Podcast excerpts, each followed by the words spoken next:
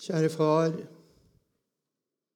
så vil vi nå be, send oss ditt lys og din sannhet, og la dem, la dem lede oss til ditt hellige berg og til dine boliger.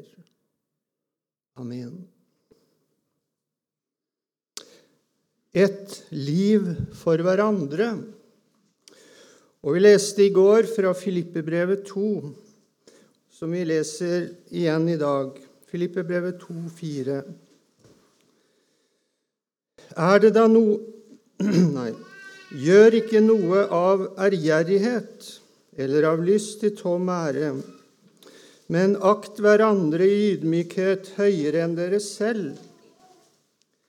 Ingen må bare se på sitt eget, men enhver må også ha den andres gang for øye. La dette sinn være i dere som òg var i Kristus Jesus. Han som, da han var i Guds skikkelse, ikke holdt det for et røvet bytte å være Gud lik, men gav avkall på det og tok en tjeners skikkelse på seg da han kom i menneskers lignelse og da han i sin ferd var funnet som et menneske, fornedret han seg selv og ble lydig til døden, ja, døden på korset. Ha også de andres gagn for øye, leste vi. Ja, hvordan da? Jo, la dette sinn være i dere, som òg var i i Kristus Jesus. Så er det dette vi skal tale litt om nå først. Det sinn som var i Kristus Jesus. Nå er det nok sånn at eh, når vi skal tale om dette med mann og kvinne og ekteskap, så er det nok mange som sitter og lurer på skal vi ikke snart komme til saken og begynne å snakke om forskjellige roller og oppgaver, og hva mannen bør gjøre, og hva og kvinnen skal gjøre, osv. Så sånn. Det har jeg ikke tenkt å gjøre fordi eh, alle som jobber med ekteskap og sjelesorg i møte med mennesker, de oppdager det at problemet det er egentlig ikke roller. Men problemet, det er egoismen, som jeg talte litt om i går. Og en kjent eh, bibellærer og, og sjelesørger fra USA som heter Larry Grabb, han sier det sånn Vårt første arbeid med et ekteskap handler ikke om rollefordeling, det handler om å bevisstgjøre selviskheten i begges hjerter, som finnes, som alltid finnes der. Bevisstgjøre selviskheten. Og Derfor så blir dette her en fortsettelse av det som vi hørte forrige time. Altså dette her å bli bevisst meg selv på innsiden sånn at jeg ser hvordan jeg er og lever i forhold til Kristus og det sinn som er i Han. Luther sier det sånn Å elske innebærer ikke bare å ønske den andres vel. Det innebærer å bære den andres byrde. Å bære det som smerter deg, og som du helst vil slippe. Det som vi ville sluppet unna uten den andre. Tenk litt over det. Altså de byrdene som jeg kunne slippe hvis det ikke var for den. Hvis det ikke var for ektefellen, hvis det ikke var for barna Hvis vi skal holde oss innenfor hjemmets rammer det som vi kan slippe ved å frigjøre oss, komme oss vekk. Ikke sant? Noen opplever å få en ektefelle som er slitsom, vrang, ja, endatil ondskapsfull. For mange så blir ekteskapet det motsatte av det de drømte om. Nettopp fordi ektefellen var ikke sånn som de trodde. Og for andre så kan det være barn som ikke oppfører seg bra, og så sliter de på oss dag etter dag. Det er fryktelig tungt, smertefullt. Og så er det allikevel sånn at den som elsker, ser den andres nød. Det blir så veldig ofte sånn at eh, når vi er i en sånn situasjon, så begynner vi å klage. Vi klager vår nød fordi jeg har det så tungt. Og så forventer vi forståelse av andre og hvor fælt vi har det, hvor tungt vi har det. Men den som elsker, ser den andre. Han ser ektefellen sin, og så spør den hvordan har du det? Hvordan har han det? Hvordan har hun det? Og da er det sånn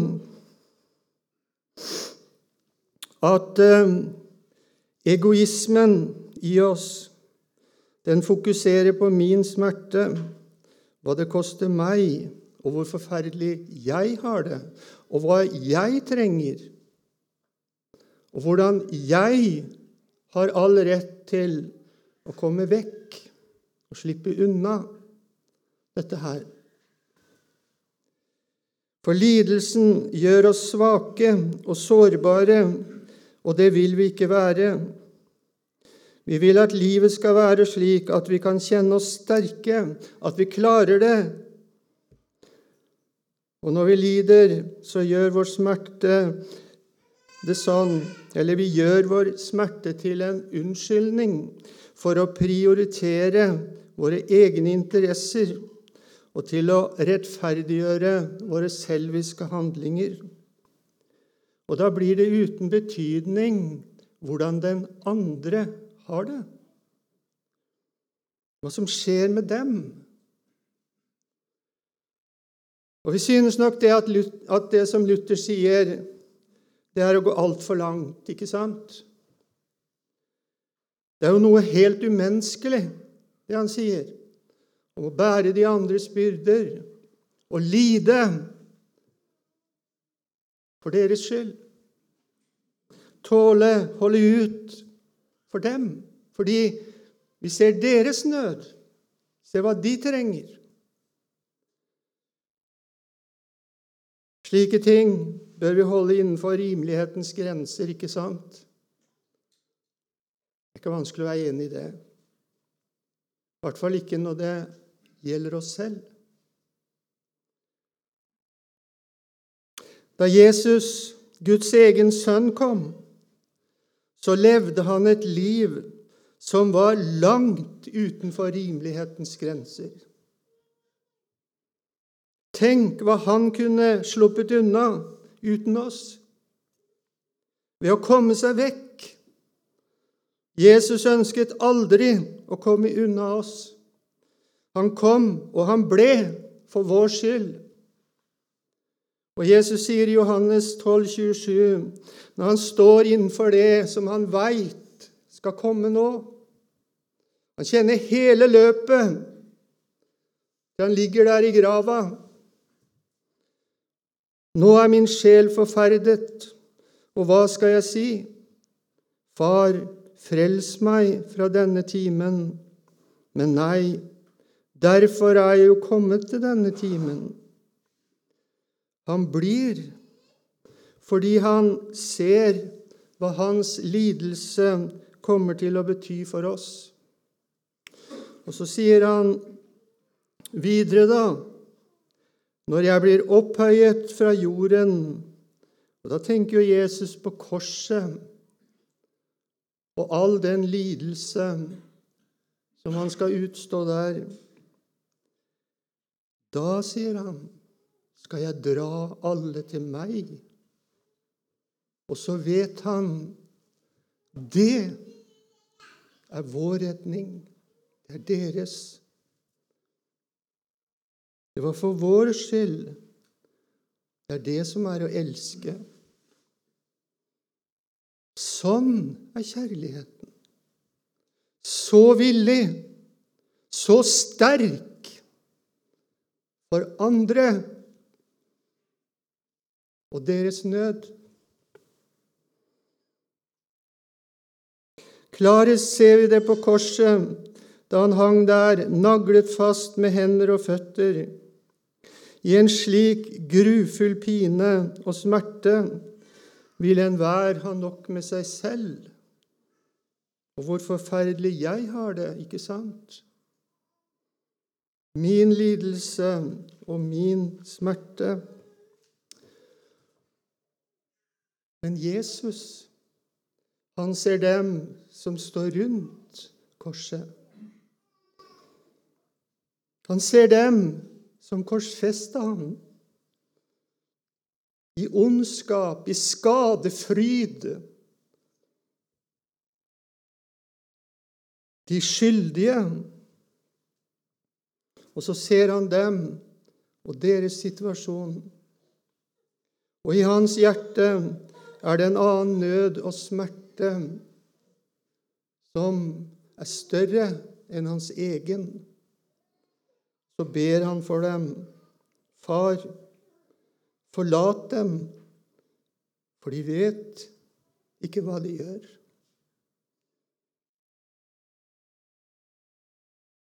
Ved hans side så henger det en røver som også lider og har det vondt.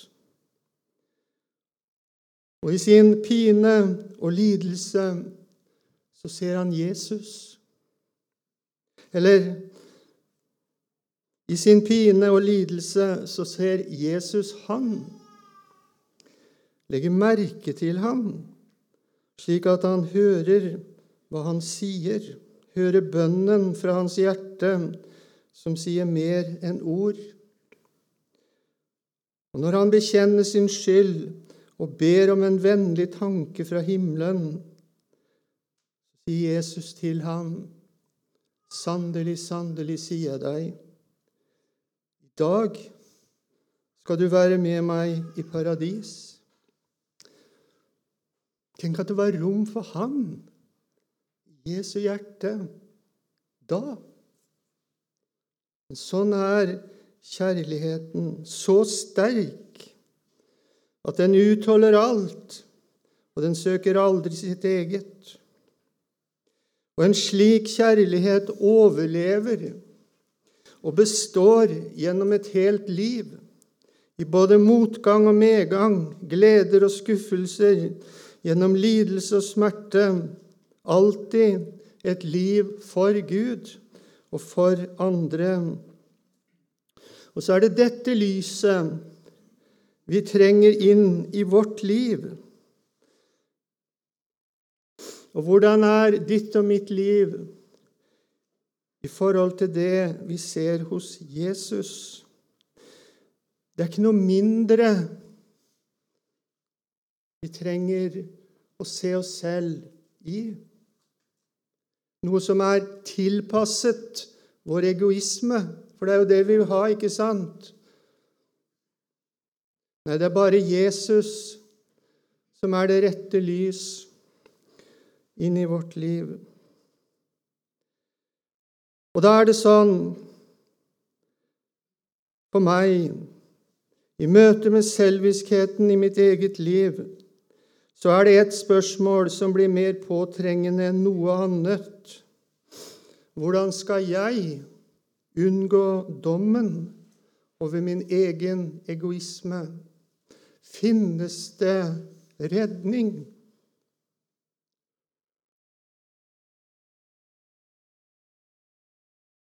det er ingen selvfølge. Når jeg tenker tilbake på alt jeg har ødelagt, alt jeg har skada andre mennesker, alt jeg har svikta dem, hvor mye nød de får for min skyld Så står du der med dommen. Det synes ikke rettferdig at jeg skal slippe, fordi de slapp jo ikke de andre som jeg svikta. Hvordan skal jeg unngå dommen over mitt liv? Ja, hvilken løsning er det vi griper til? Guds løsning nummer én, det er syndenes forlatelse. Men dersom vi vandrer i lyset Hvilket lys? Jo, like som Han er i lyset. Det er lyset. Da har vi samfunn med hverandre. Og Jesu, Hans Sønns blod, renser oss fra all synd. Og Det betyr også fra enhver synd, uansett hvor ondt det er. Men for mange er det noe annet de griper til. De fleste vil unngå dommen ved å fjerne skylden, ved å omdefinere begrepene, innføre alternative sannheter, som vi lærte av Trump. Altså ved å unnskylde og rettferdiggjøre min egoisme ja, jeg er jo en synder. Alle er vi jo syndere, ikke sant? Og det er mange som bekjenner synd, men ikke all synd. For det er noen synd som ikke er synd for meg. Jeg vil ikke erkjenne det. Jeg omdefinerer det. Jeg rettferdiggjør det på så mange vis. I stedet for å be Gud åpenbare for dem i hvilket desperat behov av nåde de er, så er det altfor mange oppriktig troende som tror at løsningen ligger i større probleminnsikt. Og så går de til sjelesørgere og, og psykologer Mennesker som opplever kriser i livet, ønsker praktiske råd. De vil gjerne vite hvordan de skal kunne forandre på ting, sånn at eh, alt skal bli bra. Og Dessverre så er det sånn for oss sjelesørgere at ofte så gir vi praktiske råd uten tanke på den egoismen som gir næring til dette ønsket. Hvorfor ønsker vi praktiske råd? Fordi vi er egoister. Det kan også være én årsak som vi så lett glemmer. Innsiktsterapi blir det store ordet, for den tar hånd om de virkelige problemene, som er indre smerte de tror at å forstå hvorfor de synder Altså, hvorfor? Hva, hva er årsaken? Det må være noe eh, som har skjedd med meg i livet mitt en eller annen gang, som har skapt noen sår, som er årsak til at jeg synder. Og bare jeg får innsikt i det, så kommer alt til å bli annerledes med meg. For problemet, det er jo ikke meg. Det er omstendighetene. Det er ektefellen min. Det er barna mine. Det er andre. Det er en som har sagt det sånn Ingen vil egentlig forandre seg. Alle vil at det skal forandres. Utenom meg, ikke sant?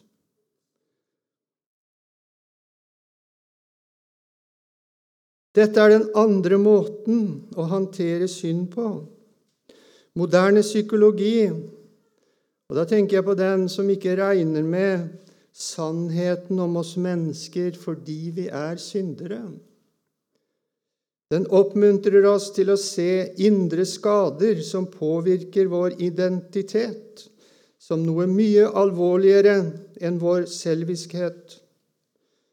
Og Så kan du legge merke til hvordan våre tanker forandres når vi erstatter anger over synd med forståelse for syndens årsak. Så er det ikke lenger synden og selviskheten som utgjør grunnproblemet. Vår dårlige oppførsel blir i stedet et symptom på en skadet og verkende sjel, en stakkars meg for hvem medfølelse og forståelse utgjør botemiddelet.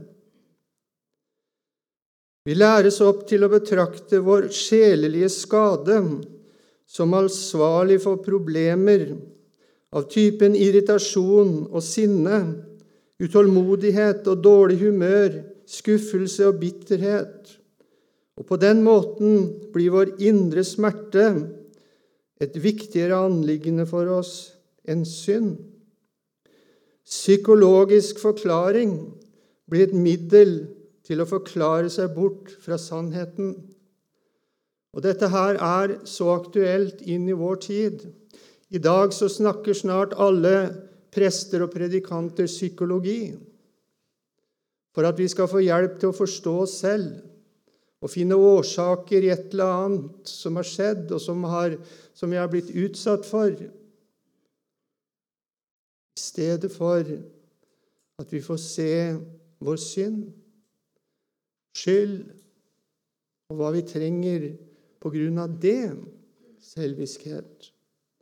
Nå er det nok kanskje noen av dere som lurer, for jeg har nå tross alt stått her og snakka ganske mye om psykologi før. Og psykologi, det har også sin plass. Og det kan også være viktig, men ikke i forhold til det jeg har snakka om nå. Det må aldri bli et sted vi rømmer fra dette med et oppgjør med oss selv og bli bevisst vår, vår selviskhet og vår egoisme sannheten, lyset, inn i vårt liv. Det skal aldri brukes imot Guds ord. Men så er det også kanskje sånn at du som lytter, også opplever egoismen, som er så dypt forankret i vår natur som din dypeste smerte. Og den eneste løsningen du vet om, det er nettopp syndenes forlatelse. Men nå snakker vi litt om ekteskap og relasjoner. Blir ikke det et håpløst utgangspunkt, da? For et liv for hverandre, som er det viktigste i ekteskapet. Så er jo sannheten den at et slikt liv, altså for hverandre, det utvikles bare når mann og hustru ser syndenes forlatelse som det største og det viktigste i sine egne liv. Hørte du hva vi leste fra 1. Johannes? Da har vi samfunn med hverandre står det. Da møtes vi på det samme nivå. Og så har vi en grunn å stå på som bærer, og som er sann, som ikke trenger unnskyldninger og bortforklaringer og alt dette her, men som bare bæres oppe av syndenes forlatelse. Så skal vi lære oss å leve også i syndenes forlatelse med hverandre. Det er noe av det viktigste som skjer. Jeg bruker å si det sånn når du har gjort noe galt Kanskje har du vært gretten og sur og sagt ting som du slettes ikke skulle sagt til din ektefelle. Da skal du gjøre det som du aller minst har lyst til akkurat da. Hva er det? Jo, du skal gå og be om unnskyldning. Du skal legge armene dine rundt ektefellen din og si, 'Nå har jeg gjort deg vondt. Tilgi meg.' Det smelter alt ondt, og så forener det. Den som ikke trenger syndenes forlatelse, kan aldri ha en god relasjon til andre mennesker. Så har vi også sett på Jesus, sett noe av hvordan et liv for Gud og for hverandre er. Et utgivende liv. Og da er det slik også for meg, og kanskje også for deg,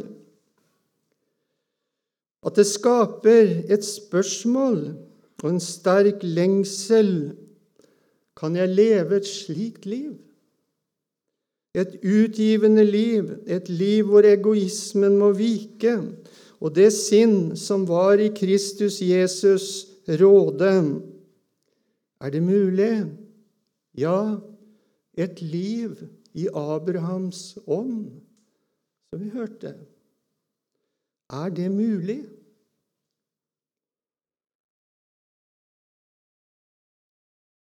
Vi hører jo ofte om mennesker som får kreft i dag. Også kristne blir rammet av kreft. Og det er ikke slik at kristne blir spart så at alt går bra, for det er ikke vår himmelske Fars vilje. For de fleste så fører det til død. De får kreft for å dø, kan vi si.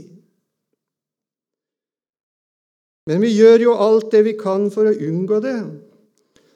Og andre gjør også alt det de kan for den syke. Sykehus, leger De setter i verk behandling for å stoppe kreften og redde livet. Og allikevel og Nå må dere unnskylde uttrykket. Jeg bruker det i en helt spesiell hensikt. Allikevel så er de fleste så heldige at de dør.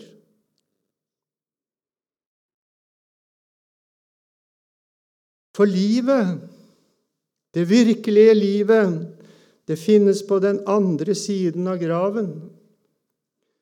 Det livet vi håper å vinne her, i denne verden, det finnes ikke her, men i oppstandelsen på den andre siden av graven. Der er det. Og I dag så skal vi la våre troende brødre og søstre som er døde i Herren, vitne for oss om veien til livet. Den går gjennom døden. Og nå taler jeg om en annen død som er Guds løsning for oss i vår største nød, nemlig oss selv, fordi vi er syndere.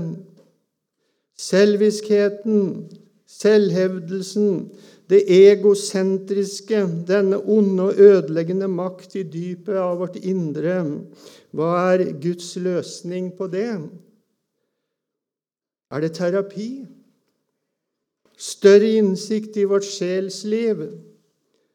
indre skader eller opplevelser i fortiden, at vi er offer for andre menneskers ondskap og urett? Er det frihet til selvrealisering? Eller en strengere moral, kanskje? Mer alvor til å ta Bibelens retningslinjer alvorlig? Eller kanskje vi burde lese en bok som lærer oss nye teknikker og fremgangsmåter for å bli et bedre menneske. Kanskje kan vi endre på noe til det bedre, men selviskheten forblir den samme, like stor og like sterk. For selviskheten, den dør aldri. Den gjør seg gjeldende like fullt, finner nye veier og nye uttrykk. Du klarer å liksom få dempa den litt på ett sted, så spretter den opp et annet sted. Men Gud har en annen løsning. Gud er fantastisk. Det er ingenting som kommer overraskende på Gud. Og når du og jeg opplever kanskje det vi trodde vi aldri skulle oppleve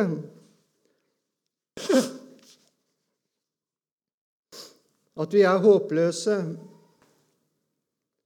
Så sier vi til Gud. Det nytter ikke med meg.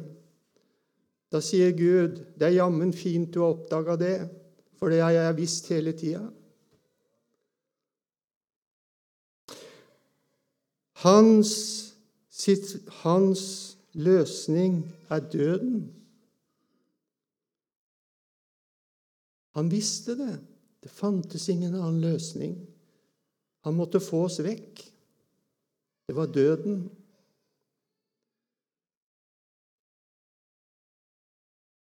Livet, det virkelige, finnes på den andre siden av graven. Og Da kan vi jo tenke på at det gjelder det evige liv i himmelen.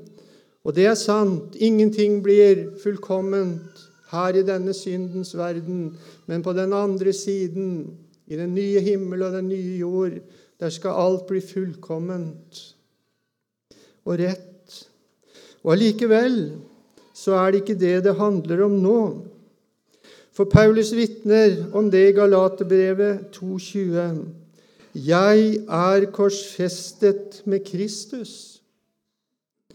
Det vil altså si at da verden korsfesta Jesus Kristus, så gjorde Gud i sin visdom et under og et storverk.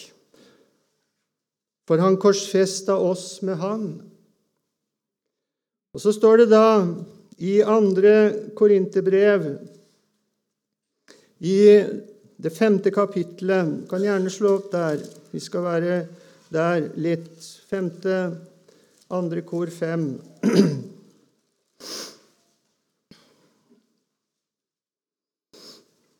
Først vers fra vers 14, siste del der. Ja, vi kan lese hele, for det henger jo så nøye sammen. For Kristi kjærlighet tvinger oss, og så har vi gjort det klart for oss når én er død for alle, så har de alle dødd. Da Jesus døde, var vi med, like reelt og virkelig som han. Og alle som hører og tror dette budskapet, får del i det. Det er Guds løsning det finnes ingen behandling, ingen operasjon, ingen lov og bud, ingen formaning eller oppmuntring, ingen terapi eller metodikk som kan overvinne og forandre vår syndige natur. Men døden gjør slutt på alt. Ikke sant? Når vi dør, da går vi ut av verden. Og så snakker vi om de avdødes familie. De er tilbake. Men den som er død, han er ute av det. Ute av det.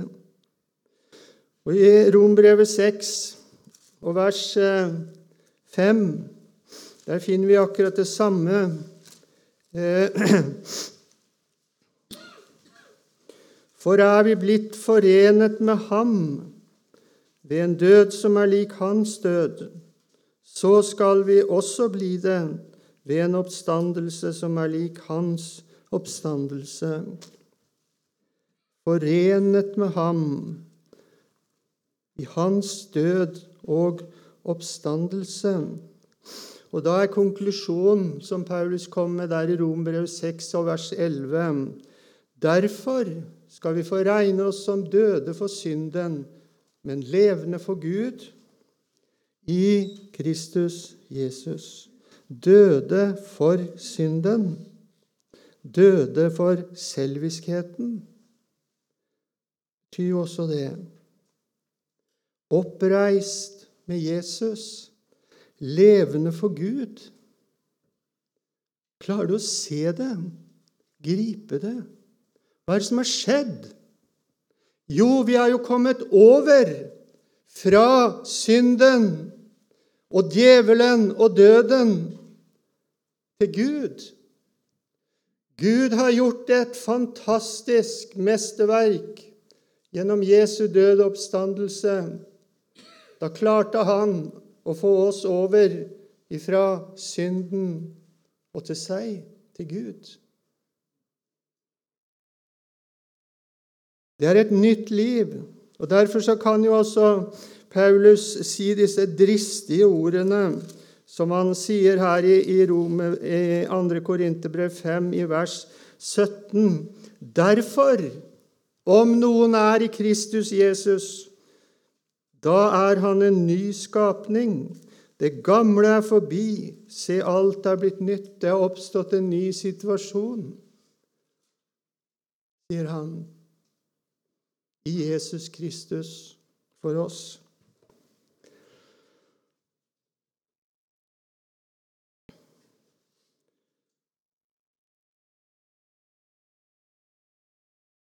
Et annet vers, vi må ta med det òg, Rombrevet 7. Vi skal se her hvordan, hvordan, dette med døden er det som, som evangeliet forkynner for oss inn i dette som har med livet vårt som kristen her i denne verden å gjøre. Rombrevet 7 og vers 4 også. Mine brødre, slik døde også dere fra loven ved Kristi legeme, for at dere skal tilhøre en annen, ham som ble oppreist fra de døde, så vi kan bære frukt for Gud. Ser du det? Gud sørget for at vi døde. Vi døde for synden, vi døde for loven. Vi døde for alt som på en eller annen måte har med oss selv å gjøre. For at dere skal tilhøre en annen, han som ble oppreist fra de døde. Det betyr altså at jeg kan si i dag jeg tilhører Jesus. Jeg er kommet over til Han fordi det har skjedd en død og en oppstandelse i mitt liv. Og så tenker vi ja, men da må vel jeg også ville det liksom stå sammen med Gud i dette her. Eh, et eller annet må jo også være rett med meg. Og så opplever jeg igjen og igjen at alt er jo galt. Ja, Men da kan det vel ikke være sånn allikevel, da? Synden lever jo fortsatt i meg. Kjødet er der. Alt dette gamle kjenner jeg fortsatt er i full aktivitet og levende som bare det. Ja, ja, da må det vel være noe feil, ikke sant? Noe som har svikta, og selvfølgelig er det jo jeg som er årsaken til det. Så må jeg tilbake til ordet, og så ser jeg det. Ja, men det var jo noe Gud gjorde i Jesus, helt utenfor meg. Han spurte ikke meg, han, han trengte ikke meg, han trengte ikke deg. Han gjorde det helt og fullt uten deg og meg. Han gjorde det i Jesus. Styrken i dette, det er det som står fast som en klippe. Jesu død og oppstandelse. Det er styrken som holder dette, og som gjør at det er sant også i dag. Jeg er hans, for han har vunnet meg. Eller jeg kan si det på en annen måte Jesus har fortjent deg Derfor holder det.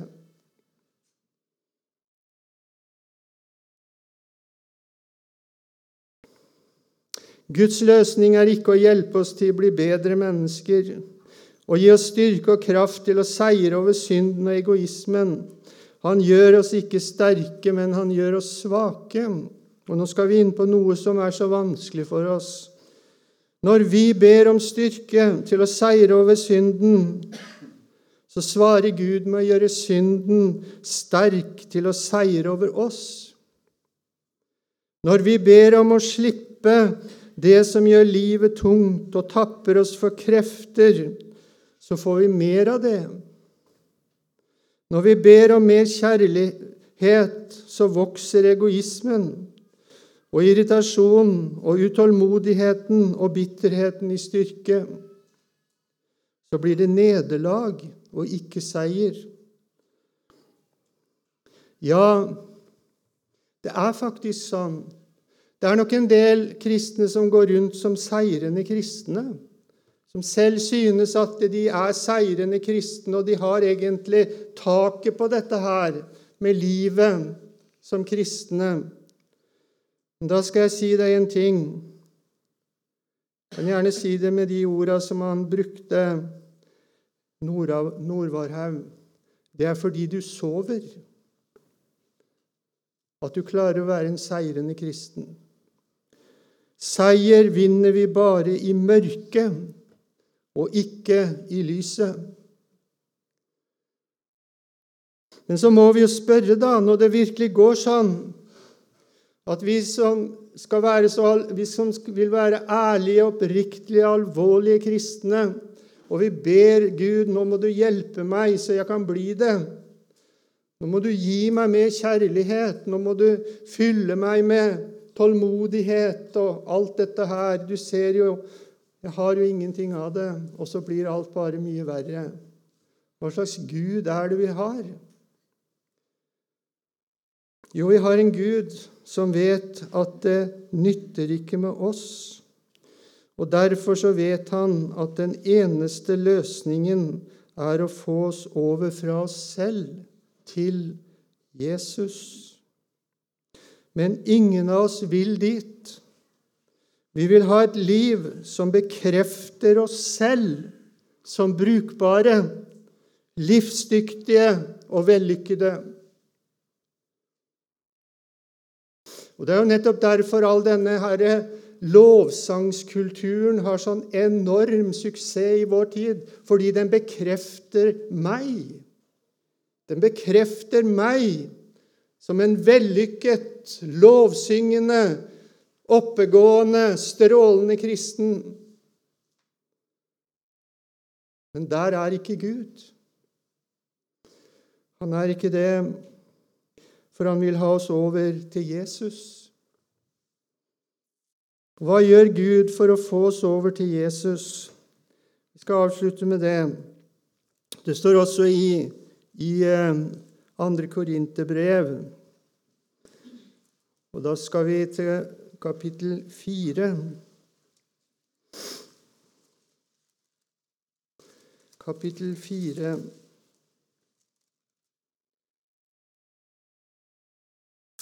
Tenk at det er Paulus som skriver dette her. Tenk hva Gud fikk bruke Paulus til. Tenk hvor mye frukt det ble av Paulus sitt liv. Han bærer jo frukt i dag òg. Hver gang du og jeg leser i Bibelen Paulus' brever, og Guds ord får virke på oss, og det bærer frukt, ja, så er det jo egentlig frukt som Gud får gjennom Paulus, som han fikk bruke han til. Så skriver han her, kapittel 4 fra vers 7.: Men vi har denne skatt i leirkar, for at den rike kraft skal være av Gud og ikke fra oss selv. På alle vis er vi trengt, men ikke stengt, rådville, men ikke rådløse, forfulgt, men ikke forlatt, slått ned, men ikke utslått. Tenk et sånt liv, hele tiden altså. Trengt, stengt, forfulgt, slått ned. Sånn er livet mitt, sier Paulus. Hele tiden så gjør Gud det sånn at det er noe som trykker meg ned. sånn at Paulus blir liten, hjelpeløs. Han mister troen på seg selv. Han mister troen på denne verden, hva han kan få til her. Hvorfor det?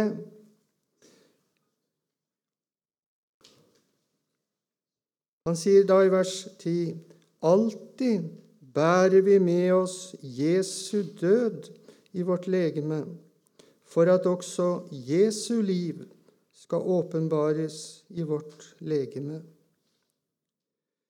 For det er sånn at når vi er små, hjelpeløse, med blikket på Jesus Vi er hos Han. Vi er små, svake, hjelpeløse hos Jesus.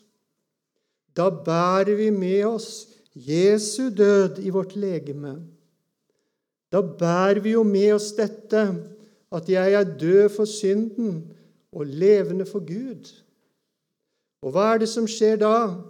Jo, da sier han her for at også Jesu liv skal åpenbares i vårt legeme. Jeg er korsfestet med Kristus. Jeg lever ikke lenger selv, men Kristus lever i meg. Her finner jeg løsningen. Det er bare ett liv som duger til å gjøre det gode, bare ett liv som duger i ekteskapet vårt for at det skal bli godt, og det er Jesu liv. Det er bare én kjærlighet som er sterk nok til å holde ut, til å bære, til å tåle, ja, til å elske. Det er bare én kjærlighet som er sterk nok til å fornekte mine egeninteresser for den andres skyld. Det er Jesus. Og det er denne kjærlighet jeg har i mitt liv fordi jeg hører ham til. Det er ikke jeg eller du eller vi som er sterke, men det er han. Det er han. Corrie Tinboom hun bruker å si det sånn Vi kan ikke, men han kan. Vi må ikke miste det. Han kan. Jeg vet det er en som kan, en som er sterk i meg, og det er Jesus. Så opplever vi livet sånn at hele tiden må Gud holde oss nede. Det er ikke noe annet råd. For da holder han oss hos Jesus, så sant vi ser på han. Og jeg vil si det sånn det finnes ingen, ikke noe sted, hvor vi har en sånn skole i dette å leve med Jesus som i hjemmet, hvis vi lever i lyset. Kjære Jesus, må du lære oss dette. Så vil jeg takke deg for det at du kom at du levde, at du gav deg selv, at du ble, at du ikke dro, at du fullførte alt.